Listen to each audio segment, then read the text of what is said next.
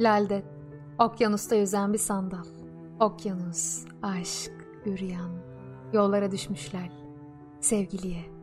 Gök de sensin, yer de sensin.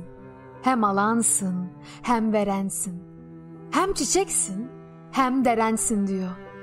Mektubunu okurken o keşmeli dilberi hatırladım. Kelimelerinde ezeli nurun en muhteşem lemaları.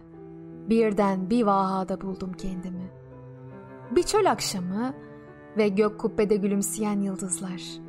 Kelimelerin mektubundan göğe uçuştu. Göğe, yani gönlüme. Kelimelerin musiki oldu. Bütün kitaplar yavan, bütün şiirler soluk, bütün şarkılar ahenksiz. Zirvelerdesin. Büyük ermişlerin, büyük ruhların kanat çırptığı zirvelerde. Ve kendimden utanıyorum. Ben toprağım, sen arş. Ben tenim, sen gönül. Ben alevim, sen ışık. Ben senim diyorsun. Saçlarımı okşamak istediğin zaman kendi saçlarını okşa. Lalde'de hatırladım. Gerçekte Laldet sensin. Her asırda başka bir adla tecelli etmişsin. Leyla bir tomurcuk. Sen muhteşem bir gül. Leyla bir mısra. Sen bir destansın. Leyla bir kıvılcım. Sen bir şafaksın. Leyla bir yarım. Leyla bir masal. Leyla yaşamayan. Hangi sevgili seninle boy ölçüşebilir? Sen doyulmayan, kanılmayan, sen rüya, sen gerçek. Her kitabımda sen varsın. Ben de güzel olan ne varsa senin ilhamın. Ben de büyük olan ne varsa senin eserin. Sen günahlarınla bensin. Ben faziletlerimle sen. Levislerini takdis ediyorum.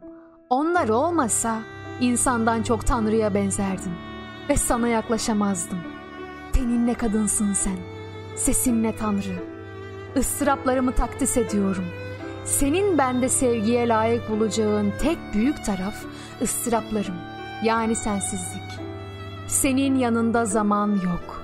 Seni kaburgalarımdan yarattım. Hayır, gönlümden yarattım, kafamdan yarattım. Belki de ben senin kaburganım. 25 yıl önce yine beraberdik. Adın bilinmeyendi, özlenendi. Romeo'yu düşündüm ve güldüm. İmtihandan geçmeyen bir sevgi, bir saman alevi.